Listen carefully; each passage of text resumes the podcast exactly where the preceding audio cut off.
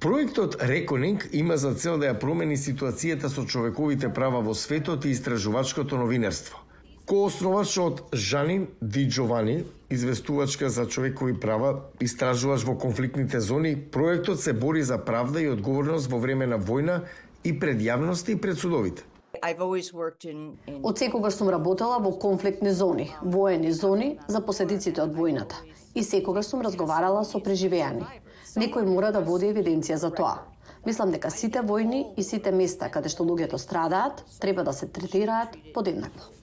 Проектот Реконинг ги комбинира активизмот и новинарството, обуката на новинарите, истражувачите, да ги снимаат, собираат, чуваат изјавите и сведочењата за да може да се користат во правни случаи. Тоа значи, меѓу другото, дека новинарите мора да поставуваат прашања кои не даваат насоки и да не ги спремаат сведоците со кои разговараат за тоа како да одговараат. Новинарите не се поврзани со ниту еден судски систем, добиваат подршка од фондации и непрофитни организации. Интервјуата понекогаш се појавуваат во медиумски текстови, но Ди Джовани вели дека има поголема цел. Term, Во овој краток рок е работа со обвинители, работа со активисти, да се врши притисок врз Обединетите нации или владите. Долгорочно да се обезбеди трајно сеќавање за она што се случило. Две години по инвазијата на Русија на Украина, проектот ја поставува основата за идните судења за воени злосторства. Наталија Гуменјук има тим со седиште во Киев, фокусиран на разговори со преживеаните, но и со сведоци на воените злосторства. So everybody to whom we talk, uh... Секој со кого потенцијално разговараме има право да зборува на суд во соработка со меѓународните аналитичари и адвокати.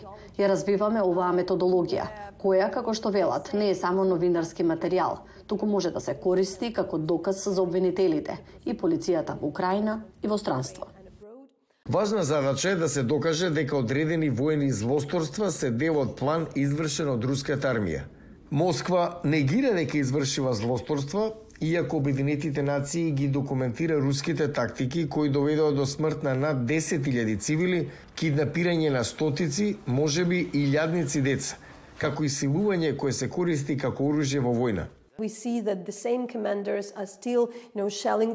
Гледаме дека истите команданти се уште неселективно гранатираат цивилна инфраструктура, железничка станица, куќите, трговските центри и слични работи. И тие постапуваат на ист начин, ги мачат луѓето на истиот начин во Бердјанск, Херсон, во Каховка и како што беше во Изјум. Со оглед на тоа што Меѓународниот кривичен суд издаде налог за апсење на рускиот председател Путин Асад ги отвори обвиненијата за воени злосторства против рускиот воен персонал, работата на овој проект и други, веројатно, ќе игра важна улога во идните сослушувања.